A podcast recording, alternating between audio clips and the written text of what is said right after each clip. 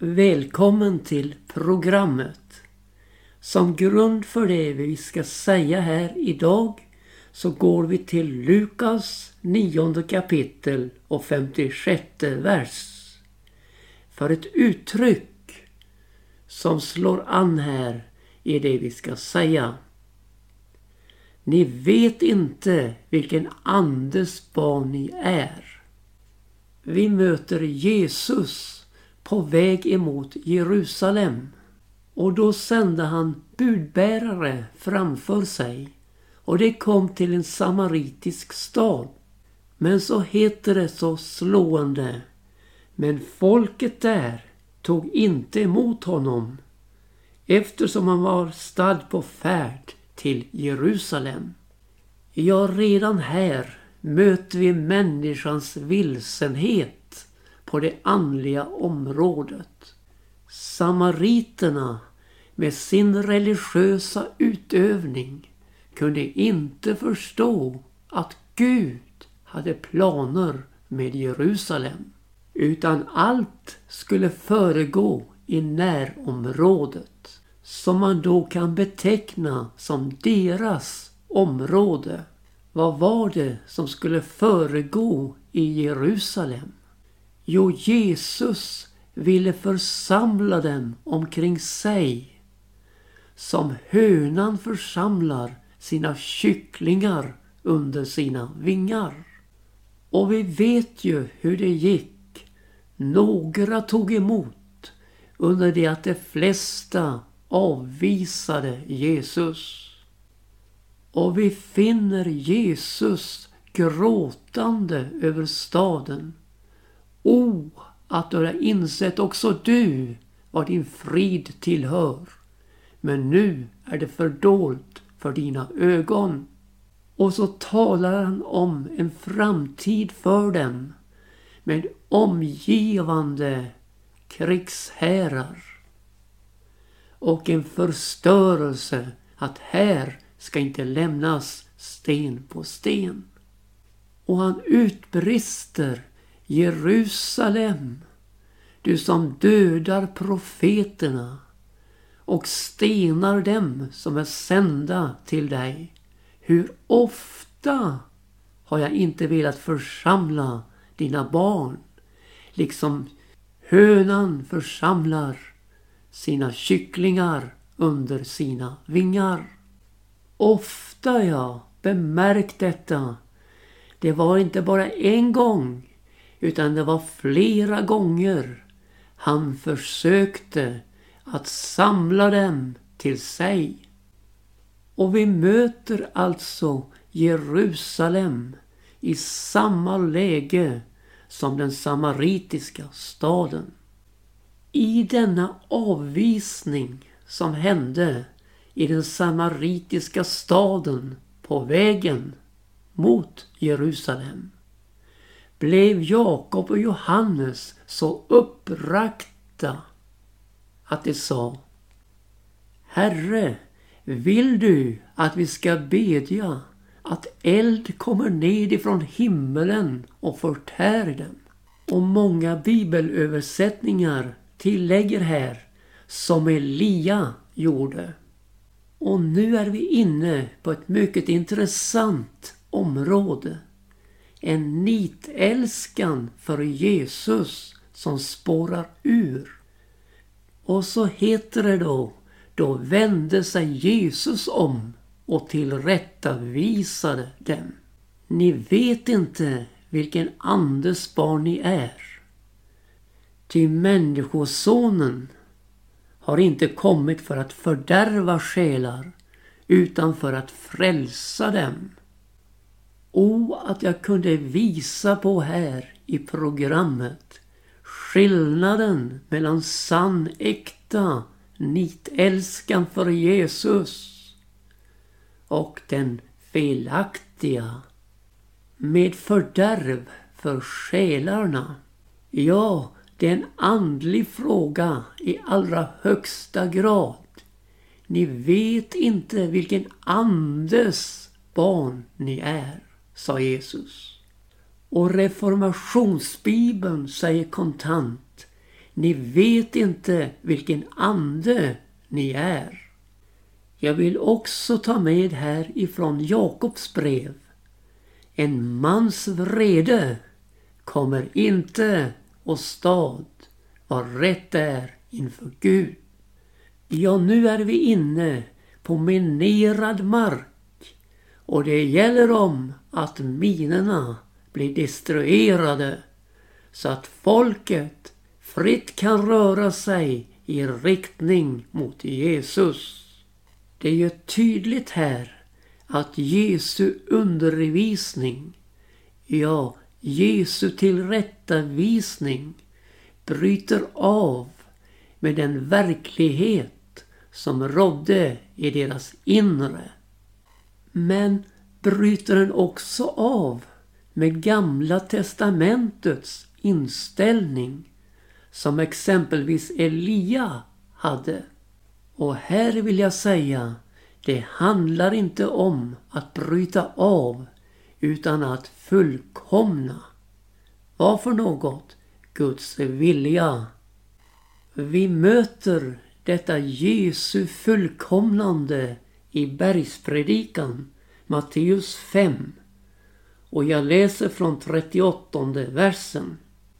Ni har hört att det sagt öga för öga och tand för tand. Men jag säger er att ni inte ska stå emot en oförrätt. Utan om någon slår dig på din högra sida så vänd dock den andra till åt honom. Och om någon vill gå till rätta med dig för att beröva dig din livklädnad så låt honom få manteln med. Och om någon tvingar dig att till hans tjänst gå en mil så gå två med honom. Giv åt den som beder dig och vänd dig icke bort ifrån den som vill låna av dig. Och så kommer kontentan i textens följd i vers 43. Ni har hört att det är sagt du skall älska din nästa och hata din ovän. Men jag säger er, älsken edra ovänner och bedjen för dem som förfölja er och varen så er himmelske faders barn. Han låter ju sin sol gå upp över både onda och goda och låter det regna över både rättfärdiga och orättfärdiga. Ty om ni älskar den som älskar er, vad lön kan ni få därför? Gör icke publikanerna detsamma? Och om ni visar en vänlighet mot era bröder allenast, vad synnerligt gör ni därmed? Gör icke hedningarna detsamma? Varen alltså i fullkomliga som er himmelske fader är fullkomlig. Med en sådan text, med Jesu ord och uttryckliga vilja så ställs ju vårt självliv, vad vi bär med oss, representerar och menar på undantag om Guds vilja ska kunna ske. Och detta, det får inte stanna vid ett intellektuellt för santhållande, utan här, ja här behöver våra hjärtan beröras av Jesus. Han som inte har kommit för att fördärva själar utan för att frälsa dem. Hur ofta utgör inte vi människor ett hinder i församlandet omkring Jesus? Vi möts av Jesu allvarsord i Matteus 12 och 30. Den som inte är med mig, han är emot mig. Och den som inte församlar med mig, han förskingrar. Ja, förskingrandet, det kan ske genom våra idéer och inte minst vår inställning till andra människor. Vilken andes barn är vi? är det i samklang med den helige Ande. Den Ande som förhärligar Jesus och gör att själar dras till honom. Eller är vi klantiga, kluvna och förförda av denna världens ande? Ja, Gud hjälp oss i denna så viktiga sak, inställningen av våra hjärtan. För vi möter ju allt för ofta människor som välsignar Gud men förbannar människor som är skapta till likhet med honom. Den klyvna tungans vittnesbörd. Ja, sådan bör det inte vara mina vänner. Sådan bör det inte vara. Utan vi må vara helhjärtade för Jesus. Så vi upplever att när hans hjärta slår för syndarna så slår också vårt hjärta för dem. När Jesus kallar sina lärjungar så ser han ju förhållandet. Han ser att här är mycket att göra. Och när han kallar sådana som Jakob och Johannes som vi mötte här och som blev tillrättavisade av Jesus så kallar han dem för tordönsmän. män. Han såg rakt igenom vad som dolde sig i deras hjärtan. Han behövde inte vänta till utbrottet, vredens utbrott. Utan han såg det redan i det stilla förhållandet och satte in sina underbara resurser under vandringen som dessa fick göra tillsammans med Jesus. Och vi märker hur Gud som stilla strider intill jordens ändar. Han fick också dessa vredens böljor i dessa två tordens män att lägga sig och det blev redskap i Guds mäktiga hand. Redskap för Jesus i samklang med honom. Vilken förvandlande kraft det ligger i evangelium. Det är Guds kraft till frälsning för var och en som tror. Och den helige Ande leder oss fram till hela sanningen. Förhärliga Jesus och gör oss till vittnen för honom. Är det att han utgjuter sin kärlek, Guds kärlek, i våra hjärtan genom den helige Ande som blivit oss given.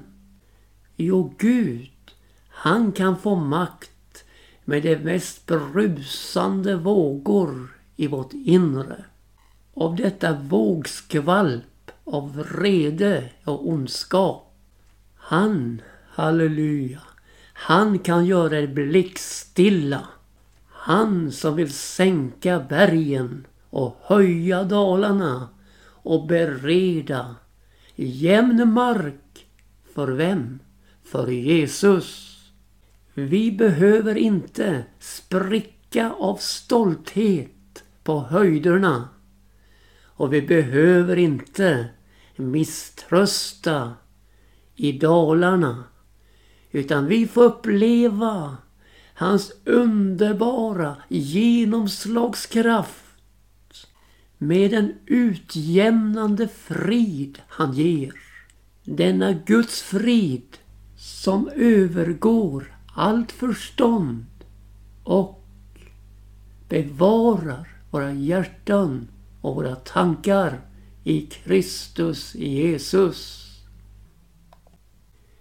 Ett annat exempel på snedtändning på nitälskans område för Gud är Saulus av Tarsus. Det heter om honom att han alltjämt andades hot och mordlust mot Herrens lärjungar. Och det som bodde där i hans inre tog form i en förföljelse av väldiga proportioner. Där han gick till översteprästen och utbad sig brev till synagogorna i Damaskus. För att om man fann några på den vägen, alltså Jesu lärjungar, vare sig män eller kvinnor, han skulle kunna föra dem bundna till Jerusalem. Vi ser alltså att denna nitälskan för Gud var inte en tillfällig känslornas utbrott utan var uttänkt och planerat av den inspiration som bodde i hans inre av hot och modlust. Vi kan ju eljest skylla på tillfälligheternas spel. Att vi blev för tillfället så oerhört överrumplade att vi fylldes av denna vrede, detta hat. Så det exploderade. Men ser du, vulkanens inre, alltså vårt hjärta, är uppvärmd av denna vrede långt innan utbrottet. Så utbrottet bara bekräftar vad som finns där inne. Än en gång, en mans vrede kommer inte åstad vad rätt är inför Gud. Paulus omvändelse, det skedde ju där på Damaskusvägen vid mötet med Jesus. Omstrålad av ett enormt ljus så frågar han vem är du Herre? Jag är Jesus som du förföljer. Ja, det kan ju tyckas mycket spontant det här mötet med Jesus. Men det fanns en förberedelse från Guds sida. Där bergen sänktes och dalarna höjdes och det skaffades för Jesus en beredd väg in i hans hjärta. Vi tog ju med från bergspredikan där Jesus säger Bed för dem som förföljer er. Och jag är helt övertygad att detta hade gått in i lärjungarnas hjärtan så det bad inträngande om Paulus frälsning. Och så inträffade det här hur Stefanus, den första kristne martyren, fick hembud till himmelen. I ett regn av stenar från hans förföljare. Och där var den unge mannen Saulus av Tarsus som passade på kläderna medan de andra utförde dådet. Och så heter det så beklämmande att också Salus hade gillat att man dödade Stefanus. Men vad han inte hade räknat med det var att Gud sände sin segerpil rakt in i hans hjärta. När Stefanus föll på knä och bad sin sista bön här på jorden. Herre, tillräknar vi icke denna synd. O, om vi förstod det, vad detta hjärtas inställning betyder för vår omgivning, ja själv för våra fiender. En inställning med Golgata-tonen ljudande i vårt inre i stridens hetta. Fader, förlåt dem, till de vet inte vad de gör. Det är den inställningen som ger spänst i bågen när segerpilen från Golgata skjuts iväg. Det är fullbordat. O, om vi förstod det, vad en jämnad väg för Jesus betyder för människors frälsning.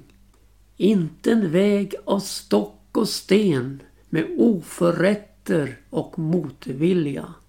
Men en banad väg för Jesus.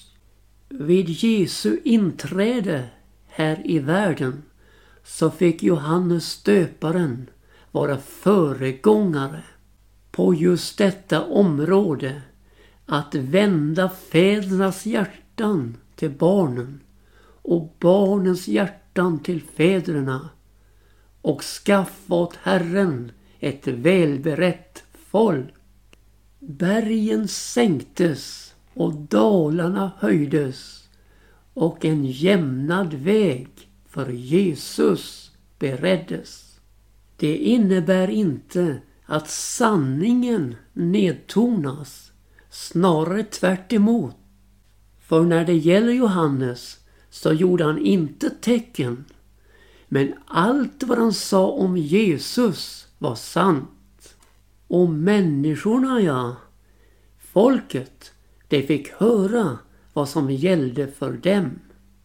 Fädernas hjärtan till barnen och barnens hjärta till fäderna innebär att nå en nivå där hjärta talar till hjärta.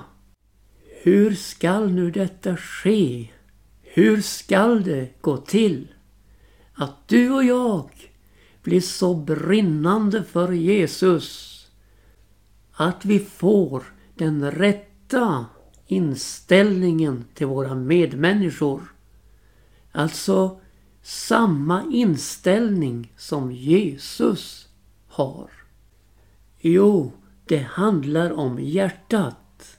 Och Paulus han nämner om i Andra Korinthierbrevets sjätte kapitel om ett vidgat hjärta. Han säger våra hjärtan har vidgat sig för er. Och så säger han då till dessa vänner vidgen också edra hjärtan.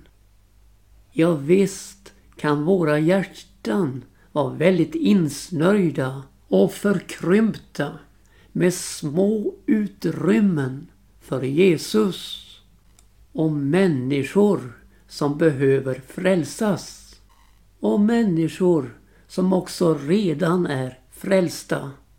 Här behöver vi alltså vidga våra hjärtan så det finns plats för Guds inställning till honom själv och till människor.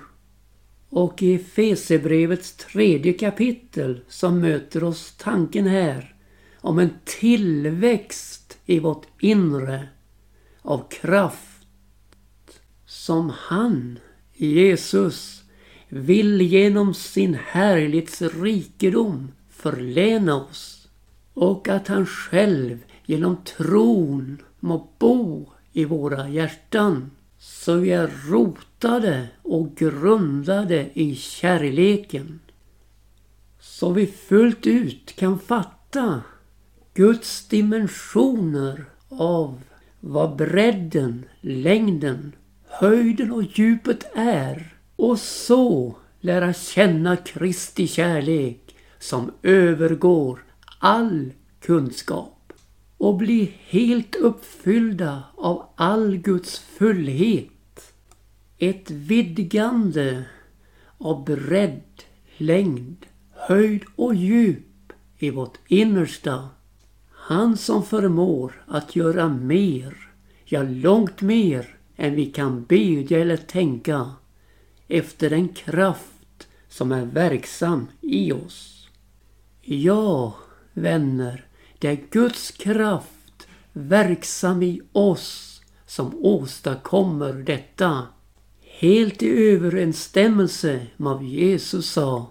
Den som tror på mig, av hans innersta ska strömmar av levande vatten flyta fram som skriften säger. Detta sker genom Guds kraft, den helige Ande, utgjuten i våra hjärtan. Och en jämnad väg för Jesus till människor bereds. Alltså handlar det om att ge plats för Jesus och att hans kraft får verka i vårt inre. Då, ja då får vi den rätta inställningen till honom och våra medmänniskor. Vi ska nu få lyssna till sången Tala Gud, tala Gud. Och det är en liveinspelning med min evangelistkollega Kenneth Karlsson.